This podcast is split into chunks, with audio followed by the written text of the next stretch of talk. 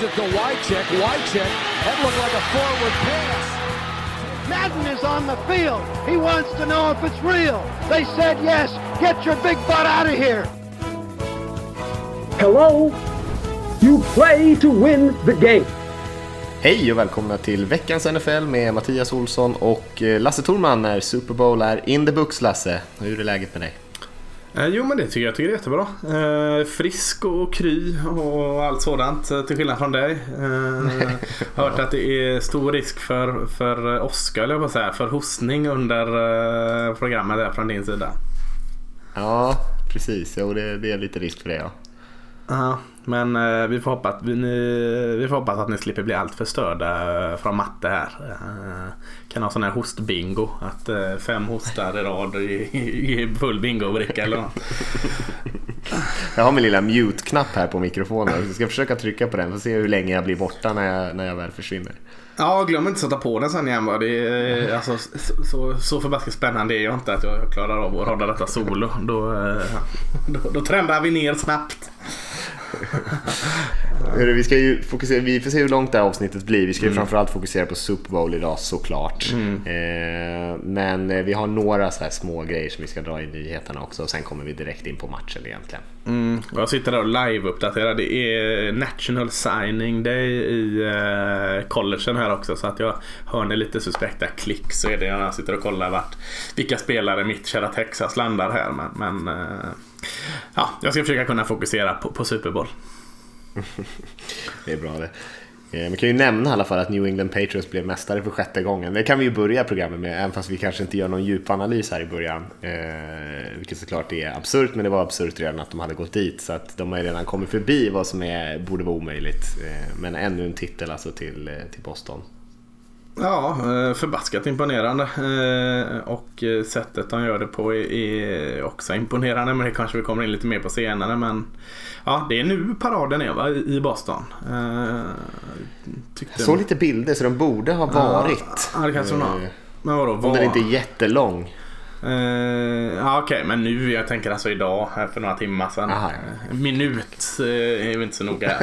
Framförallt när vi inte live-poddar här så eh, kan vi säga nu och skylla på att det var, vi spelade in då. Eh, men vad, ska vi bara prata Super Bowl eller vad ska vi göra? Vad ska vi hitta på? Nej, men vi kan väl nämna några av de grejerna som kom förra helgen som vi nämnde då. Att det skulle ju både utses en ny klass till Hall of Fame och även delas ut lite priser för årets spelare och allt sånt där. Och vi kan börja med eh, priserna tycker jag. Som kanske är det som de flesta satt och hade lite ögon på i alla fall. Och det var väl inga chockbeslut där. Jag kan dra de stora så kan vi bara säga några ord om dem sen. Patrick Mahomes blev ju inte oväntat MVP. Det var bara han och Breeze som fick några röster, men han vann rätt överlägset. Eh, Matt Nagy i Bears vann årets coach. Eh, Andrew Luck, kanske årets slam dunk för comeback player of the year. Eh, vi har också offensiv spelare blev ju Mahomes då också. Defensiv spelare blev Aaron Donald för eh, andra året i rad. Och sen har vi offensiv rookie, Saquon Barkley, running backen från Giants. Och defensiv rookie blev Darius Leonard, linebacken från Colts. Hmm, vad har vi mer för... Eh, kan vi nämna Walter Payton Man of the Year är någonting som också är lite prestigefullt ändå som Chris Long, eh, pass rushen i Eagles vann. Och sen finns det ju många andra typer av eh, sponsrade priser och Celebration of the Year och alla möjliga andra saker. Men det där är de stora i alla fall. Celebration of Tear. Det vann ditt 10 också va? Jajamän, det var därför jag tog den. Skäms på det. Viktig seger. Det är pris, det är ju bra löjligt alltså. Det måste, Ja, det måste du hålla det- med. Du som gillar såna här jävla när de håller på och paddlar kanot i Anderson och skit. Eh, gillar ju du i vanliga fall. Men att man kan få ett pris för det. Helvete. Jag vet inte om jag tycker att Bridgestone Clutch Performance Play of the Year är, mindre eh, bra i och för sig. Mycket mer. Mycket mer relevant. Fan, nu blir jag irriterad. Kom in, kom in i den här podcasten ridande på gott humör. Nu påminner du mig om den. eh, Så skulle Russell Wilson få kommentera det här. Jag stod där, ja, du får gå upp till dina lagkamrater och ära och ta det. Hur känns detta? Och Han var ju inte ens involverad. Nej, det är stort och så. så nej, wow, suck. Suck, suck, Du suck. såg Men- galen ändå alltså? Eh, nej, men jag, man sitter där och kollar ikapp på sociala medier dagen efter. eh, lite sådana här klipp och sånt.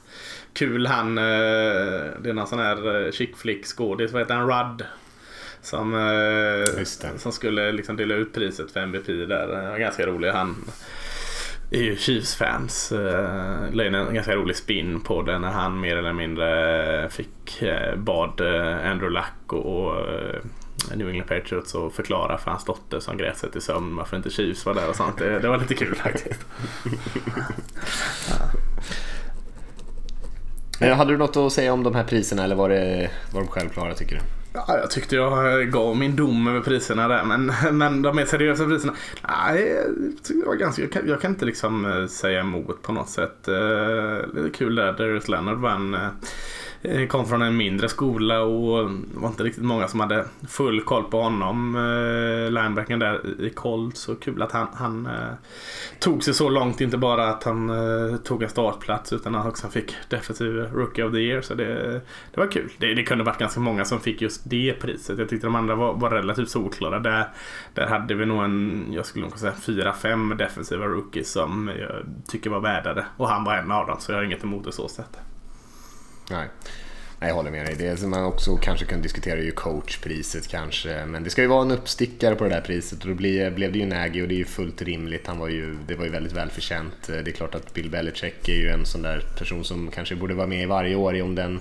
Men eh, det skulle kanske inte vara så kul om han fick den fem, sex år i rad sådär. Utan Men, det ska ju ja. vara någon som kommer, kommer lite från ingenstans. Tar ett dåligt lag och gör det till ett bra lag. Sådär. Ja, men hur är det? Man tar väl inte slutspelet i eh, beaktning när man utser de här? Va? Nej, det gör man ju faktiskt Så inte. att Nej, eh, en femförlustsäsong för Bill Belichick hade kanske varit lite svårt att motivera att han skulle bli årets eh, tränare på grund av det. Liksom. Då hade man kanske Ja. hellre fått ta eh, Sean Payton eller eh, McWay eller något. eh, Där. Men, eh, nej, jag, jag tycker... Jag, jag har inte så mycket att protestera att Nagy fick det priset. Inte jag heller. Om vi hoppar över till Hall of Fame-klassen där då. Det blir ju alltid mycket diskussion.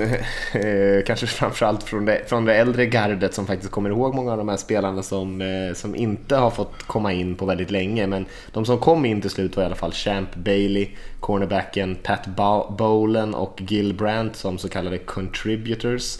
Och sen har vi end Tony Gonzalez, Ty Law, cornerbacken, gammal Patriots-spelare. Kevin Mawai som är en center och safety Ed Reed och även en annan safety som heter Johnny Robinson. Var det alla? Mm. Ja, fan. Ja, nej, eh, Vill du ha fler? Eh, Nej, jag hade fått för mig att det var ett par till där men det kanske jag som har eh, blandat upp de som faktiskt var nominerade och de som kom in.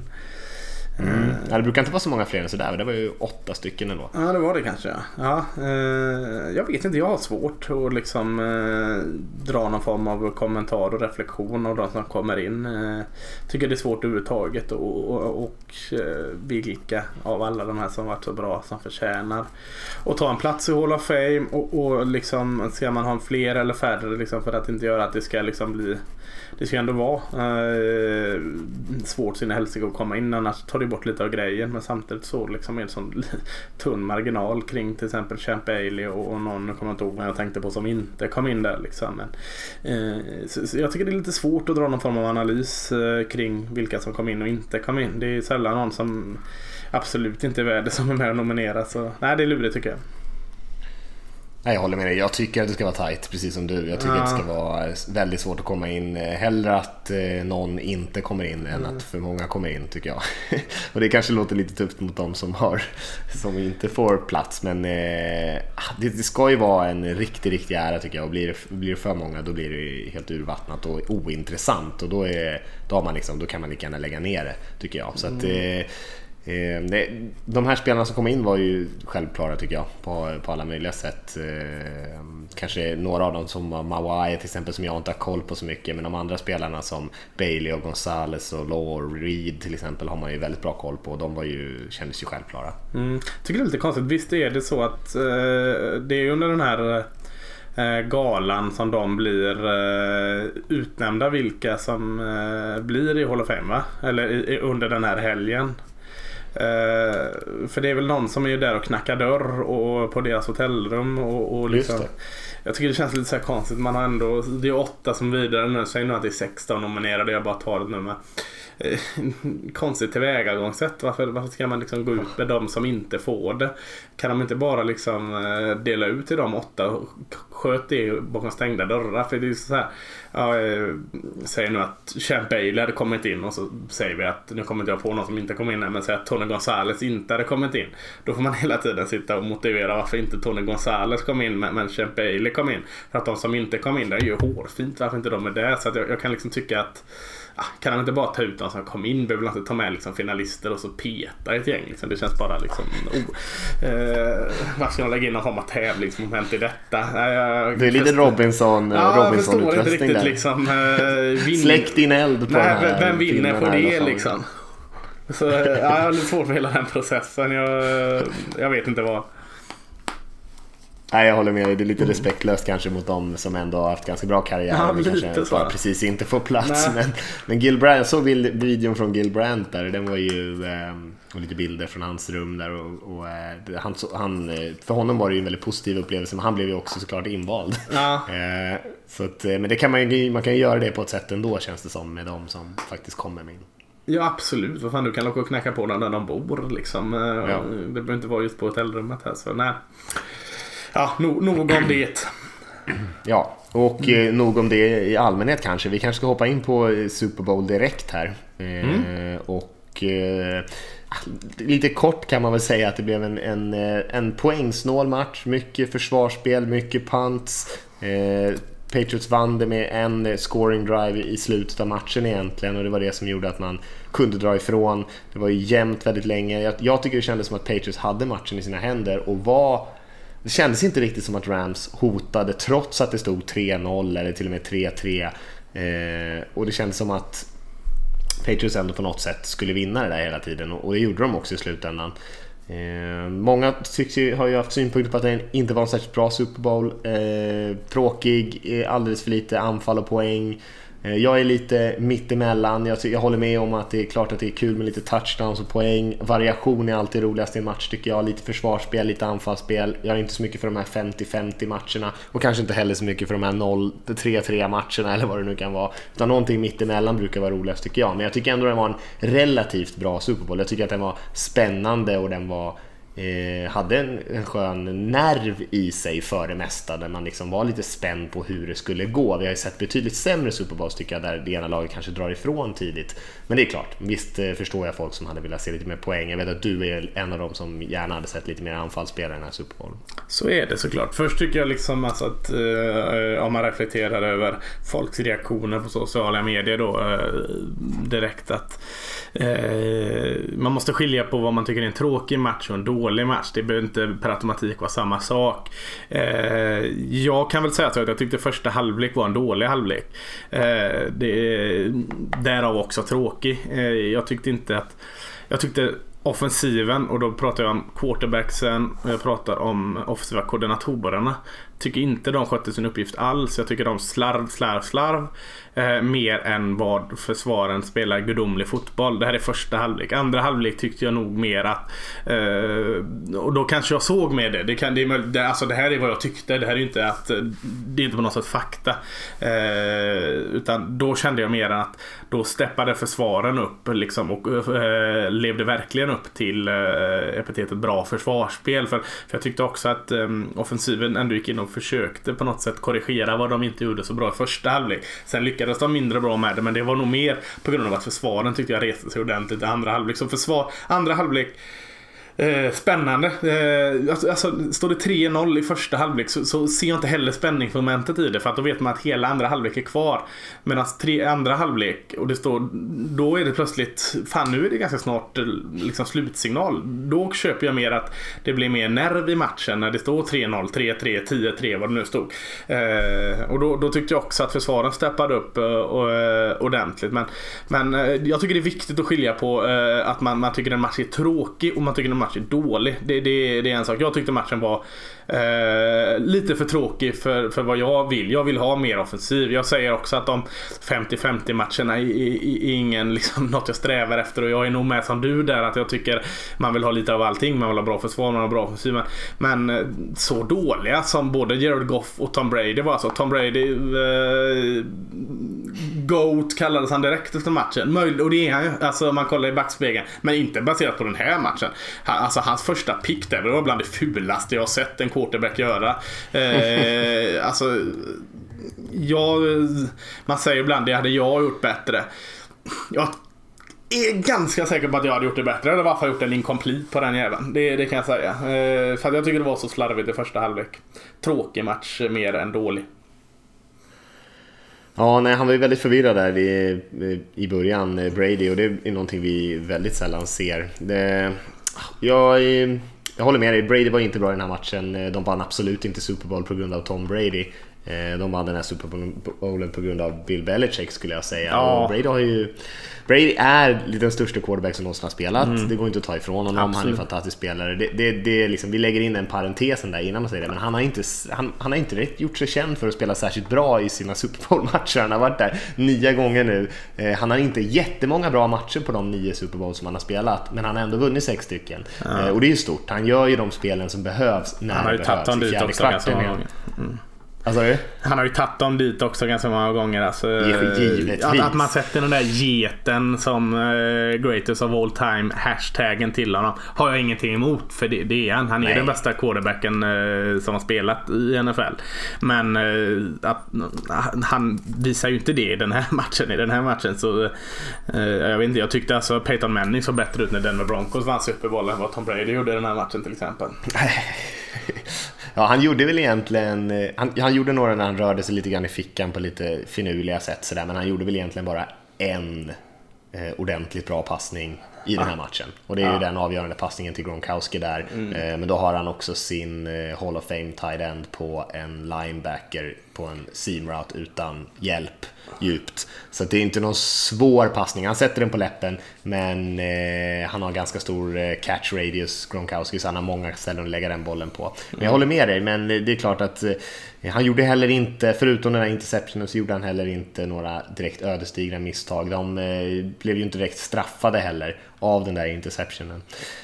Eh, men om vi ska ta några grejer som stod ut från den här matchen Lasse. Vi har ju mm. funderat lite du och jag och några grejer som vi tycker ändå som vi tog med oss lite grann som är lite större grejer eller mindre grejer som vi tänkte på. Och en sak som jag kan inleda med det är ju publiken på den här matchen. eh, och det tycker jag inte man ska underskatta här. Det var ju en enorm fördel Patriots fans eh, på plats. Och det gjorde ju att det var ju egentligen knäpptyst när New England spelade anfall och det var ju rejält högljutt när Rams spelade anfall. Eh, och det tror jag påverkade den här matchen ganska mycket. Jag säger inte att det är någon ursäkt för Los Angeles Rams dåliga eh, anfallsspel som de gjorde i den här matchen. De blev ju helt totalt utcoachade och utspelade på den sidan av bollen. Men eh, visst påverkade det matchen, utan tvekan tror jag. Och eh, all cred till Patriots-fansen. Eh, sen kan man diskutera hur kanske rättvist det är att det ska kunna bli på det sättet. Men det är ju, eh, det är ju bara för Rams-fansen att köpa biljetter och, och, gå på matchen. Men det är ju inte riktigt vem som helst som kan göra det. Så eh, ja, något, det är i alla fall någonting jag noterade. Sen vad, vad det betyder för framtiden och sånt där, det, det låter jag vara osagt kanske. Och det är inte så konstigt heller när man tänker till. Alltså, det är ändå en match på östkusten. Eh, det är mot eh, anrika eh, Bostonlaget mot ett egentligen seminytt lag i LA som fortfarande jobbar på att flörta till sig en fanbase. Det har gått väldigt snabbt för dem här, den framgången, när de flyttat till LA.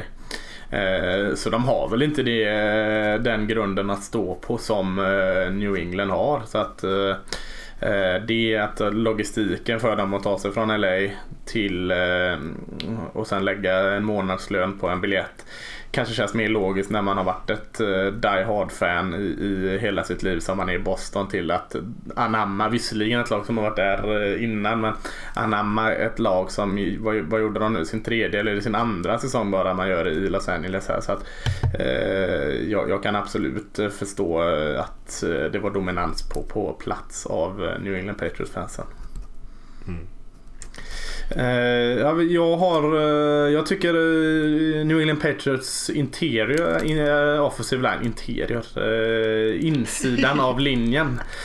usch vad, vad, det blev svengelska där. Alltså, svengelska där. Ja, de, de två guardsen och centern framförallt. Det pratas ju mycket om left tackle, att det är en viktig position. Med all rätt, det kanske är den viktigaste positionen i, i offensiva linjen. Men det har sett av New England Patriots i år och, och det såg jag återigen här nu. Alltså, hur jäkla synkade de är i sina double teams, i sina eh, traps och, och, allt vad de gör. Alltså ta sig till andra nivå när de ska gå av ett double team. När de ska, alltså de, de är så jäkla synkade. Nu pratar jag framförallt i springspelet här för det, det är där det syns tydligast, det enklast liksom. Och, och, och, och liksom pausa ner bilden eller köra den i slow motion och se faktiskt hur jäkla bra den här eh, offensiva, alltså eh, guard, center, guard, eh, insidan av offensiva linjen, hur synkade de är med varandra. Eh, Sonny Michel har haft ett jätteår eh, och eh, det är eh, inte bara på grund av offensiva linjen såklart men, men eh, herregud vad han har fått hjälp på den offensiva linjen. Jag såg några spel där det var, eh, ja, det var sånt där du vet som man kunde nästan liksom printa ut en stillbild och, och klistra in i en spelbok och visa offensiva linjen. Man så här gör du. För att jag, jag, jag, var, jag var mäkta imponerad av. Och detta såg jag då. Nu är jag, kollar jag kanske lite extra på en offensiv linje än gemene man gör. Eller så gör jag inte det. Jag vet inte. Men, men, men jag tyckte man såg detta i realtid också. För det är ju lätt att se det när någon lägger ut en bild i efterhand. Kolla här liksom på den här trappen. Eller kolla här på det här double teamet. Ja, ah, oh, då ser man det. Men jag tyckte man såg det pang på där. Liksom att wow, där gjorde de det igen så bra. Så att jag är jätteimponerad av, av om det var två sunkiga offensiv så var det eh, en av de vackraste enheterna var guard center guard i New England Patriots. Mm.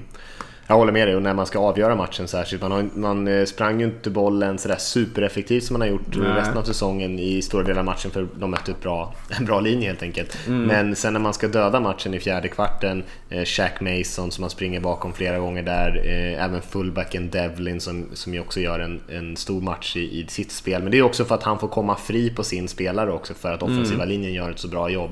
Jag håller med dig, tajmingen, flytet när de byter från sina double teams, går vidare till sin nästa block. Det är, det är nästan som, eh, som en schweizisk klocka där. Ja. Det, är, ja, det är väldigt fint. Det är ju såklart otroligt eh, välcoachat och eh, intressant att man kan lyckas med det med många unga spelare som man har draftat själv, ofta i de sena rundorna. Men eh, man behöver kanske inte ha spelare draftade topp 5 i draften för att kunna spela så här bra utan det är mycket hur de synkar med varandra och, och bra coaching såklart. Så är det absolut. Jag tänkte på eh, gubbarnas eh, defensiva gameplans i den här matchen. Vi hade ju två ganska unga offensiva koordinatorer i den här, eh, både i Patriots och Rams. Josh McDaniels i, Patriots och eh, Sean McVay såklart. Och så hade vi Wade Phillips som jag, Phillips som jag tror jag kallade för Bum Phillips kom jag på i förra mm, avsnittet, vilket är hans, hans pappa.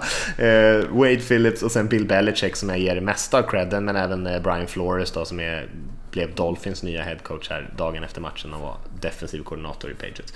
De, de gameplansen tyckte jag var otroligt imponerande och fick de här anfallen att se eh, ganska förvirrade och kassa ut. Du pratade om Bradys interception där. Rams gjorde ett jättebra jobb med att eh, gömma vilket coverage de var i. Han trodde ju att de var i eh, man coverage där på den interception men de växlade till zonförsvar mitt i och så dök det upp en spelare framför hans boll där och det syns nästan när han kastar den att han inser ju halvvägs innan han kastar den att mm. shit, det här kommer inte gå något bra.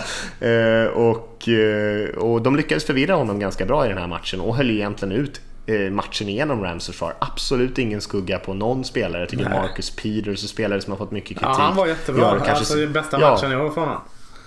Ja, verkligen. Ja. Helt klart bästa matchen. Och Patriots försvar ska vi inte prata om som har både gjorde det här mot Kansas City där man i alla fall höll ut en halvlek men här gör man det hela matchen igenom där man ja, egentligen spelar med sex spelare på line of scrimmage när, för att hindra Rams från att springa bollen. Eh, man mixar upp väldigt mycket i sina coverages och eh, gör, håller på med sina stunts på linjen och såna här grejer. Väldigt mycket grejer för att förvirra den här unga anfallet och även fast Rams försökte ändra hur de gjorde saker och ting senare i matchen så ändrade Patriots bara efter och efter och eh, hela tiden låg steget före egentligen. Väldigt, väldigt imponerande. Det, det ser man inte så ofta i NFL att, en, eh, att ett lag ändå lyckas väldigt mycket tack vare sin scheme, sin coaching lyckas hela tiden vara snäppet före. Sen ska ju spelarna ha cred såklart också. Många i Patriots försvar som spelar otroligt bra. Stefan Gilmore, Hightower. Eh, när Hightower ställer upp som pass rusher, som defensive end och spöar eh, Havenstein där som är en av de bästa passblockerande right tackles som finns i NFL eh, och spöar honom rent på sin rush är ju otroligt imponerande. Ja, jag, jag, är jätteimponerad av, eh, nu gick Patrick Chang eh, sönder där tidigt i matchen men, men eh, var det Harmon som kom in och ersatte honom där. Jag, jag är jätteintresserad, eller imponerad av Framförallt kanske något som jag inte liksom har, eller som jag missat. att Patriots Secondary var så väldigt bra i den här matchen. Steven Gilmore nämner du. Tyckte han hade en jättefin match. Jag tyckte även vem är konen? Är det Jason McCourty va? Jag blandar ihop. De har ju Devin mm. McCourty som safety och så har de Jason som corner va? Ja, jag tror det. Ja. Eh, jag tycker, tycker jag blir osäker när du frågar. Ja, i alla fall. Eh, McCourty-brorsan som är corner tyckte jag gjorde, han gjorde en sån här, alltså, jag kommer inte ihåg när det var, men det var ju eh, egentligen en given touchdown här. Möjligtvis att den andra McCourty blev bränd.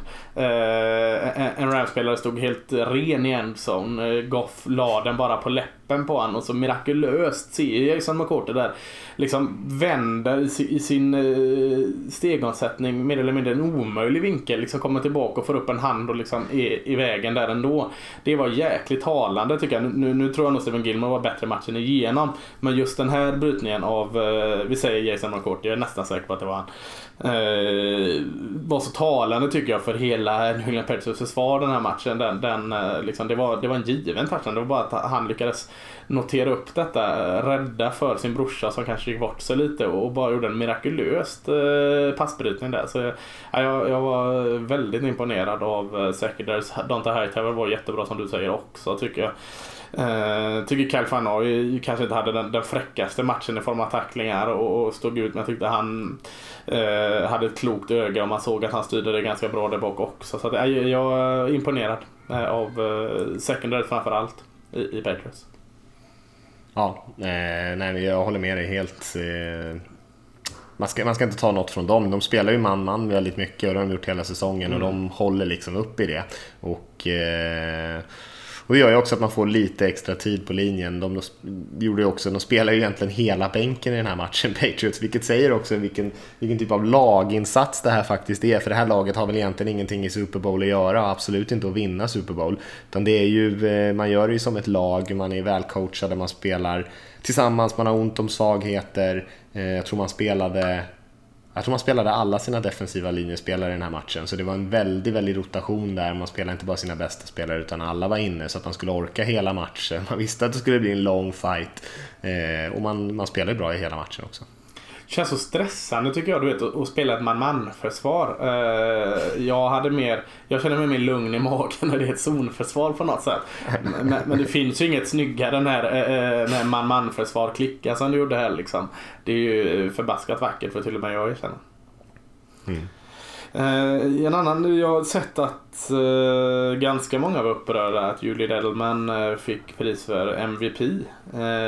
Vad, vad, tycker du om, om att han fick det priset? Ja, men jag tycker att han var värd det.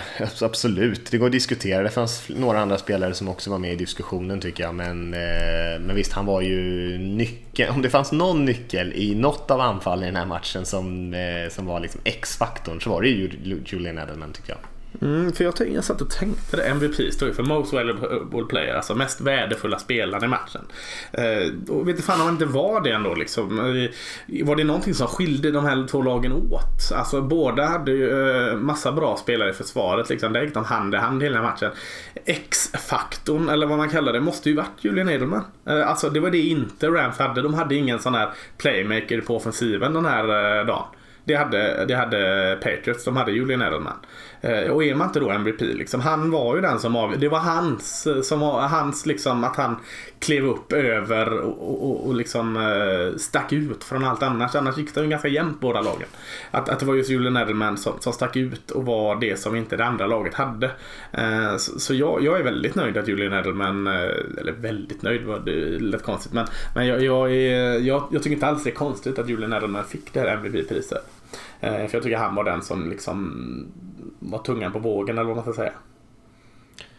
Nej, jag tycker det är fullt rimligt. Mm. Den som eh, kunde ha utmanat om det var ju kanske Brandon Cooks om Rams hade haft en chans att vinna. För om, om mm. Eh, Goff hade satt den där passen lite tidigare och McCordy-brorsan där inte hade hunnit peta undan den så hade han haft en eh, sjuhelsikes massa yards och dessutom en touchdown i den här matchen. Mm. Eh, för han eh, var ju den enda som producerade på Rams-sidan men eftersom han, de förlorade och den bollen faktiskt inte satt så, så blev ju Edelman den ensamma utmanaren där på anfallssidan egentligen. Mm. Om man inte skulle ge det till en guard eller något, men det lär inte hända. Nej, tyvärr. Jag hade gärna sett att Check Mason fick det. Jag gillar honom. Alltid gillat honom. Ja, fantastisk spelare. Ja. Eh, jag tänkte en sak som jag funderade på, eh, och jag ska försöka inte bli för nördig här nu, men det det. Patriots touchdown drive där. Jag tycker den säger väldigt mycket om New England. Och Tony Romo sa det ju i sändningen, eh, att de körde samma spel tre spel i rad. och det är ju någonting som det känns som att det är liksom ingen annan än Patriots som gör det. Man kan säga Steelers har gjort några sådana här grejer ibland där de har sprungit liksom någon drive 16 gånger i rad och sprungit bollen med Bell typ. Mm. och Patriots gör ju sånt där ibland. De bara går ut på en serie när alla tror att de ska passa och så springer de varenda spel.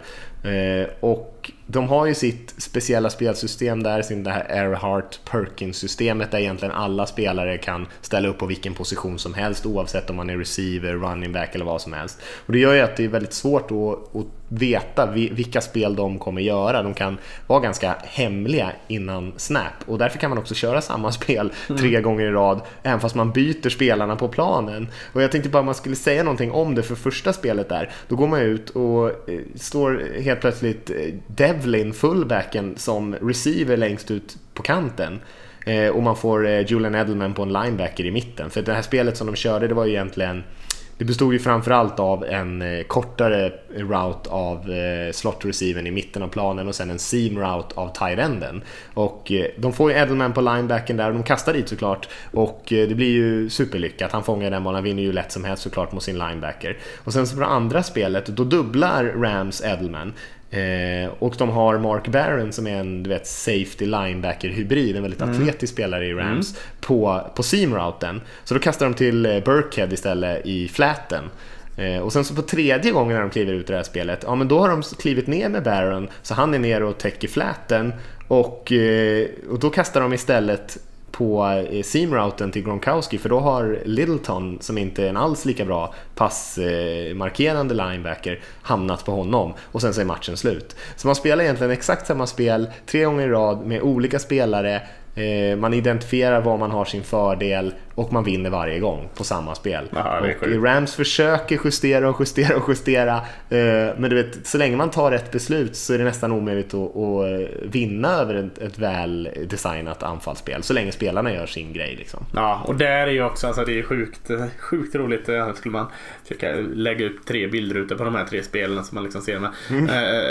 för för det, det, kan bli lite svårt att få in det i huvudet när, när man pratar igenom det så. Men, men, ja, men, men, det är ju också eh, kanske en, en väldigt bortglömd styrka i eh, Tom Bradys spel. Alltså att eh, det, det, är inte för inte att han har x antal år i ligan och, och, och, och kallas för GOAT och allt sådant. Han ser ju detta också. Han, är, han, han läser ju spelet eh, fantastiskt bra. Sen att hans utförande kanske inte är lika bra som det var för, för x antal år sedan betyder ju inte att han, han, han blir tvärtom då kanske smartare med åldern och ser de här eh, eh, vad, vad, som uppdagas. Så att eh, där ska ju också Tom Brady ha jättemycket cred. Eh, även att eh, koordinatorn också såklart såklart inblandad i det.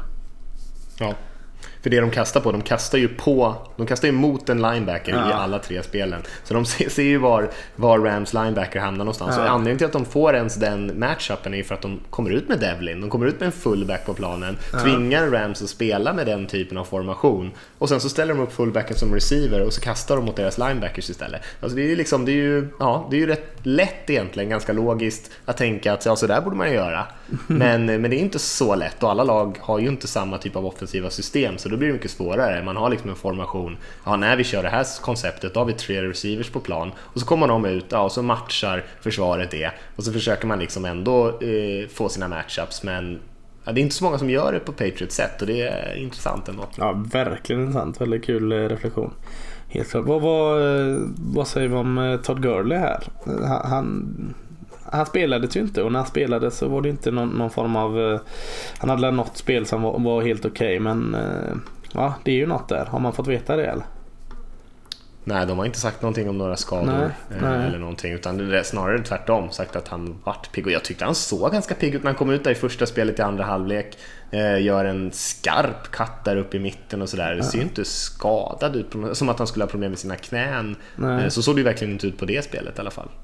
Men, men äh, återigen, han, han, man ser ju han på bänken hela tiden och, och eh, han hade tendenser till vissa spel som han gjorde bra men han, han var ju ingen han var ju ingen faktor alls. Om vi säger att Edelman var en X-faktor så var ju Todd Gurley det verkligen inte. Eh, vad kan detta bero på liksom? Är, det, är han i, i en formsvacka helt enkelt? Lite och sen så tror jag att Patriots ganska medvetet ville Ja, jag vet inte vad som hände i matchen innan i och för sig, men i den här matchen så ville ju Patriots verkligen inte att han skulle komma igång. Som sagt, man spelar med sex försvarare på, på linjen och, och sådär bara för att det skulle vara jättesvårt att springa bollen. Eh, och det är klart, då är det svårt för Mm. Men det har han ju mött tidigare liksom och, och, och Jo. bemästrat. Liksom. Det, Ja. det har ju inte varit ett issue för honom innan. Det är klart att det alltid är svårare men det är ingenting som har hindrat honom från att ha fina matcher. Eh, jag tycker det är konstigt eh, faktiskt. Ja, de borde åtminstone... Jag förstår att man inte... De, har, man, de hade ju inte så jättemånga offensiva spel heller. När man såg deras drive chart där så var det så här, tre spel pant, tre spel pant, Mm. Ja, tre men andra fick de väl ett par eh, hyfsade drives tycker jag ändå. Liksom. Eh, roterat in honom mer. Jo. Ja, jag vet inte. Eh, Men, eh, men de borde ju ha passat bollen mer till honom. Jag förstår Mm. att han kanske inte får sådär jättemycket carries i en sån här match som blir lite knäpp ändå. Men eh, de borde ju ändå ha kastat bollen några gånger till för han är ju en väldigt duktig receiver. Ja, nej, men överlag borde han varit på plan med liksom, involverad i, i spelet. Så, också som decoy så funkar det ju honom väldigt bra också. Så att uh, jag är lite eh, frågande vad, vad hela den här grejen var. Mm. Eh, ja. Något annat? Något annat? Så man Men- kan ju säga någonting om eh, lagens Panthers. Ja, Gjorde ju en, eh, fin- en bra match. match. Eh, Häcker i, i Rams eh, pantade ju nio gånger. Eh, tryckte in den innanför 25 gånger åtminstone och sen så hade han ju någon lite sämre medan Allen å andra sidan hade ju fem pants och han tryckte in tre stycken innanför 20 jag tror att han hade två innanför femman till och med. Mm. Jag vet vi satt där i i eh, soffan och, och, eh, och höll lite grann på Rams och ropade liksom att, att Pa- Patriots hade kommit, eller var jag som ropade rätt sagt, att Patriots hade kommit på något sätt att tilta planen där nere vid fem, eh, sista fem yardsen. För han liksom lyckades ju döda dem där nere hela tiden. Och det är såklart, det gjorde det ännu jobbigare för Rams som redan hade det jobbigt. Ja, ja verkligen. Nej, det var en strong match. Och sen så den sista som jag tänkte på också var eh, en positiv grej om Rams kanske, hur de, jag tycker de hanterade den här förlusten efter också. Alltså både Sean McVay tittade jag på hans presskonferens, jag tittade på Goffs press, presskonferens, tittade på Gurleys presskonferens. Eh, jag tycker alla skötte det väldigt snyggt. Liksom alla tar på sig väldigt mycket Eh, av skulden för att de inte spelade tillräckligt bra och alla var liksom satt där öppna och svarade på frågor och, och eh, var såklart superbesvikna men, men liksom tog, det, tog det väldigt bra. Eh, som sagt, det är en ung, ett ungt gäng, många av de här spelarna. Jag tror säkert att Rams kommer fortsätta vara bra. Det är inte så lätt att nå Super Bowl även fast man har eh, ett bra lag igen. Men ja, nej, jag, jag tycker de skötte det snyggt i förlusten ändå. Men vad menar du? Skulle de inte ha gjort det? Eller, vad, eller jämför du med någon annan som inte har gjort det? Eller vad, eh, how come? Eh, Nej men jag tycker men det är ju verkligen eh, olika. Jag tycker väl eh, Saints hade ju en helt annan utgång ur, ur eh, slutspel också. Ja, så men det känns ju konstigt omständigheter. Ja, de skötte ju inte det bra. Cam Newton, Panthers torska, skötte ju inte det bra. Alltså, men det är ju inte alltid så självklart tycker jag att man är så öppen som de är. McVeigh var ju också väldigt eh, intressant att lyssna på ur ett eh, X's and O's synpunkt för han egentligen analyserade ju vad Pages försvar gjorde såna här grejer i sin presskonferens och eh, var väldigt öppen och svarade på frågor och, och liksom att han blev utcoachad sa han eh, liksom klart och tydligt av, av Belichick och andra sidan där och sådär. Så eh, jag tyckte det var mycket ödmjukhet i alla fall. Jag vet inte, det kanske är ganska vanligt men eh, jag tycker inte man ser det varje gång i alla fall. Jag har inga, större eller jag har inga problem med eh, dåliga, alltså dåliga förlorare. Det tycker jag hör till. Jag tycker också att det kan ibland krävas lite. Jag tycker det är betydligt eh, mer beklagligt med dåliga vinnare. Dåliga förlorare på något sätt vill man ju till en viss mån ha. Alltså vinnarskallar som förlorar de ska inte liksom komma upp och göra kaninöron bakom sin kompis på en pre eh, presskonferens efter. Eh, då blir jag ännu mer förbannad som fan. Alltså, eh, sen att kunna hantera det på ett snyggt sätt, all cred till det. Men, men eh, ah, jag, jag ser nog väldigt mycket mellan fingrarna att, att eh, Cam Newton är en barnunge. Liksom. Det, det, eh, det kan jag på något ta. Jag, jag stör mig betydligt mer på andra saker Cam Newton gör än, än det. Jag tycker han är mer, mer av en dålig vinnare när han håller på som han gör i en sån efter en touchdown till exempel. Det tycker jag är mer beklämmande. Det, det är ju ett tecken på en dålig vinnare. Jag, jag, jag Nej, dålig förlorare, fine det köper jag. dålig vinnare däremot, det, det retar mig. Ja, jag håller med dig lite grann. Ja, det var ju, min poäng var inte riktigt att eh, klanka ner på Newton här. Jag har inte heller sådär jättemycket synpunkter på om han vill vara sur så får han väl vara sur. Men jag tyckte att eh, Rams-gänget skötte det bra här i alla fall. Ja, nej, så okay, det var ja, nej, mer cred till dem än, ja. Eh, än något annat. Ja, nej, men det kan vara. Ska vi, har du något mer att säga om den här matchen? Jag vet inte, det är inte så mycket att gå igenom som sagt. Det var ju väldigt tajt, det var puntar och, och försvarsspel och, eh, och sen var det egentligen bara den där Patriots-driven i slutet som avgjorde och sen när Rams skulle försöka komma i, igen sen i slutet så så lyckades man, ja du, du lyfte ju upp Duron Harmon där, kom ju på en blitz och stressade Goff så han lobbade upp bollen och, och Gilmore plockade ner den och matchen var död. Så det blev ju aldrig mm. riktigt så mycket mer spännande. Men Goff gjorde ju några fina kast tycker jag på den, eh, kanske matchens finaste passning ut mot eh, högersidan där, jag tror det var till Cooks, Cooks eller Woods som fångade den på, eh, på sidan där. Och, eh, men sen eh, några spel efter så, så kommer interceptionen ändå och då var det ju helt meningslöst ändå. Mm, ja, jag, jag tippar väldigt sällan, alltså lägger spel på matcher. Eh, jag la att det skulle bli över 55,5 poäng. Kände mig ganska säker med det. det var helt, helt eh, lost. Jag, jag satte en touchdown på Gronkowski. Eh, satte visserligen på Sonny Michel också. Och, men, men ja, eh, väldigt överraskande att det var så här poängsnålt alltså. Eh, det såg jag verkligen inte komma. Så att, eh, det är väl den stora reflektionen från matchen. Så snålt. Och det var väl eh, den Super Bowl någonsin som haft minst poäng va? Ja. Mm. Och det ju, säger ju rätt mycket med tanke på att det fanns vissa eror av fotbollen där man inte gjorde ens hälften så mycket poäng som man Nej. gör idag. Nej, precis. Eh, så de lagen som nästan kom hela vägen fram, New Orleans Saints och eh, Kansas City Chiefs, jag hade svårt att se den här matchen med de två där. Ja, jo visst. alltså, visst. Ja, så är det ju. Uh, uh, det, det, är det, intressant att det kunde bli så. Ja, nej men det, det är väl någonstans min, min, min, stora reflektion kring detta. Att, uh, väldigt överraskande att det var så poängsnålt som det var. Eh, och kanske en liten besvikelse som ligger kvar ändå trots allt att eh, två definitivt starka lag är ändå lite besviken av avsaknaden av, av eh, offensiv glans kanske man ska kalla det då. Ja. Om vi ska säga någonting om de här två lagen framåt, bara lite mm. kort sådär. Eh, vad, vad, vad händer efter den här Super Bowlen för Patriots och Rams? Ja, jag har inte full koll på eh, vilka som är, eh, ska iväg på Free Agency och sådant. Eh, tänker du mer på det, liksom hur lagen ser ut nästa år eller? Jag tänker mer i allmänhet. Ja, men det hänger ju ihop med såklart ja, vilka eh, spelare som försvinner. Nej, men båda jag tror att de flesta stora stjärnorna är under kontrakt för båda lagen. Det är ju Gronkowski kanske som försvinner för Patriots. Ja, och eh, Sue, eh, LeMarcus Joyner är väl två eh, ganska betydande spelare i, i Rams försvar som, som uh, Sue kan jag inte riktigt se att de, de håller kvar. Han, han var jättebra i slutspelet men, men kostar en del. Så.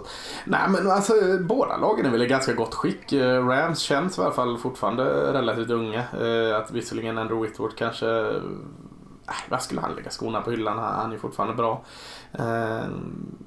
Ja, men de är väl i gott slag båda lagen. Jag kan, kan inte se någonting att det är någon, någon negativ trend eh, på horisonten för de här. Eh, väldigt tydligt är det att eh, Tom Brady eller inte Tom Brady, så länge Bill Belichick styr eh, New England Patriots så är de nog alltid att räkna med. Känner jag. Det tror jag också.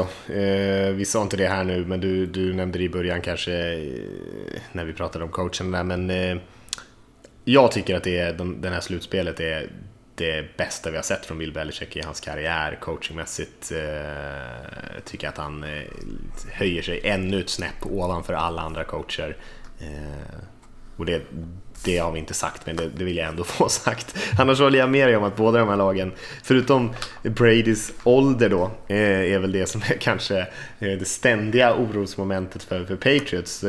I övrigt har man ju en väldigt bra eh, ung trupp med i och för sig lite veteraner i sitt secondary och sådär men annars har man ju, är man ju i god form för att kunna utmana även nästa säsong och Rams definitivt. Eh, Joiner borde man ju försöka behålla men samtidigt har man ju en annan duktig ung safety i eh, John Johnson som är betydligt billigare. Joiner gjorde en jättebra Super Bowl här men har ju annars haft det lite skakigare säsong mm. än vad han haft tidigare år på sitt kontraktsår här. Så jag vet inte, antingen får man honom lite billigare eller, eller så eh, får man hosta upp de stora pengarna och det kanske man inte gör. Mm, men, eh, nej, men jag tror absolut att Rams kan vara med och utmana även nästa säsong. Ja, och jag tror eh, med Patriots här och, och Tom Brady, alltså tekniskt sett eh, och då menar jag hans fysiska utförande kommer väl fortsätta att inte rasa, för det rasar gör det ju inte, men fortsätta att bli sämre i varje fall. Alltså det, det kommer bli eh, mindre bollar som sitter på läppen och annat. Men, men eh, känns också som han tar igen så mycket det med hans eh, fotbollsskalle som, som eh, eh, är vassare än någonsin. Så att, eh, det kommer nog vara stunder där man är väldigt frustrerad över vad, vad Tom Brady Eh, gör eh, med att han inte har samma målbild i sina kast och andra saker. Det tror jag man kanske kan se. Jag, jag vet inte hur mycket man ser det för jag, jag kan ha svårt att säga att det, det ska komma ett ras från Tom Brady på något sätt. Men Tom Brady för säg fem år sedan var ju mycket bättre på det tekniska utförandet än, än vad han är i år. Eh, så det är väl någonting man kanske ska hålla ögonen på på, jag tror, tror fortfarande att han, han, eh, är en bidragande orsak till att Patriots fortsätter kommer gå bra. Men jag tror man ska hålla lite ögonen på det. Mm, håller med dig. Men vi kanske ska lämna Super Bowl där. Mm. Vi säger väl grattis till Patriots. Ja. Eh, till ännu en Super Bowl-vinst. Oerhört imponerande såklart. Eh, jag vet att du hade lite datum och sånt där som vi ska hålla utkik efter här framöver. Ja, eh, för nu är ju säsongen slut här men, men det börjar ju illa kvickt. Eh, det är 26 eh, februari, det är ett par veckor bort, så är det NFL Combine. Och, och för er som har lyssnat tidigare säsonger så vet ni vad, vad detta är och även ja, ni är lite insatta att det är eh, boskapsmarknaden här för, för eh, grädden av vad som kommer ut från college och sedermera ska draftas. Vägs de, mäts de, eh, får göra olika övningar, fånga, springa mellan koner, springa snabbt, springa, hoppa högt och allt sådant. Får vi se liksom, får man vi och alla NFL-lag tar närmare titt på de bästa spelarna inför nästa draft. Och den är alltså 26 februari och pågår cirkus en vecka. Om det är fyra eller sex dagar, det, det kommer jag inte ihåg. Men 26 februari är det första datumet då kanske att skriva in i kalendern. Och, och det är inte så långt bort så, så, eh, så då har man det att se fram emot. 13 mars sen tror jag väl att eh, Free Agency öppnar. Att, att du får lov att uh, eh, rekrytera spelare som inte har kontrakt eller vars kontrakt går ut. Och, och eh, sånt som eh, eh en Dunway zoo till exempel, vart han kan tänkas hamna och, och mm, såklart mycket spännande att se vad, vad lagen har för approach där. Och så sen 25 april, eh, en bit bort såklart, eh, så är det eh, en av mina absoluta höjdpunkter på hela säsongen när NFL-draften går av stapeln. I år är det, om jag inte minns fel, i countryts hemstad Nashville, Tennessee. Eh, så där har ni tre datum. 26 februari när NFL-combinen är 13 mars Free Agency öppnar och 25 april när NFL-draften äntligen är. Och det, det är ju Arizona Cardinals som nu är på klockan om vi säger så. Det, det, det är väl Ja. de, de tre stora datumen. Ja. Men vad bra, vi, vi kommer ju ta en eh, liten paus här. Vi brukar göra det några veckor kanske, inte jättemånga. Och sen så blir det ju faktiskt draftsnack här. Vi börjar kolla, börjar berätta för er om lite olika college-spelare, vilka som finns där ute, vad de eh, har för sig, hur de ser ut och vad de kan tänkas hamna någonstans. Och börjar analysera egentligen både spelare och, och draften och, och vad lagen kan tänkas hitta på. Eh, det brukar vara ganska kul. Jag tycker att det är roligt att ha den kollen på de här unga spelarna som sen kommer in. För det gör egentligen att man ja, om man vet att en spelare, vilken typ av spelare en receiver är eh, innan han draftas, så vanligtvis så är de samma typ av receiver resten av sin karriär. Sen är de olika eh, bra såklart. De kan ju bli ungefär så bra som man hade tänkt sig, eller så blir de inte riktigt så bra. Men de, är ofta ungefär samma typ av spelare, så har man koll på dem sen eh, en ganska lång tid framöver om de inte går igenom någon väldigt underlig förändring. Så att, det brukar vara kul att hänga med där för er som inte har gjort det tidigare och vill göra det.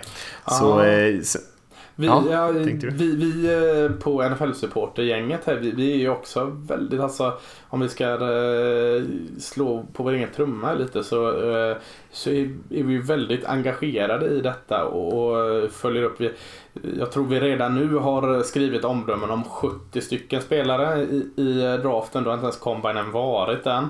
Så eh, vi, vi kommer ju såklart uppdatera med betyg och omdömen om eh, en bra bit över 100 spelare, säkert upp till 200 spelare som, som kommer komma ut på vår sida. Vi kommer tycka olika, vissa kommer vara såld på någon, vissa kommer såga någon.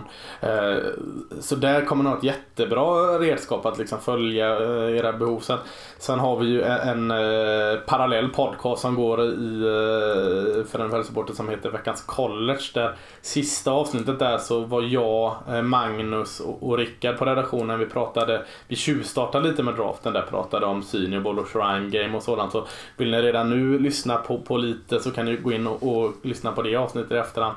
Sen kommer vi nu, för nu är ju de här, nu har de lämnat college, nu är det på något sätt eh, NFLs lycka. Så vi kommer ju flytta över hela det här draftsnacket från eh, veckans college till den här podden, veckans NFL. Och då kommer ni få lyssna på mig och, och Mattias såklart. Men vi, vi kommer även ha med Magnus eh, Adolfsson som, har, eh, som är lika collegegalen som jag som kommer vara med väldigt ofta.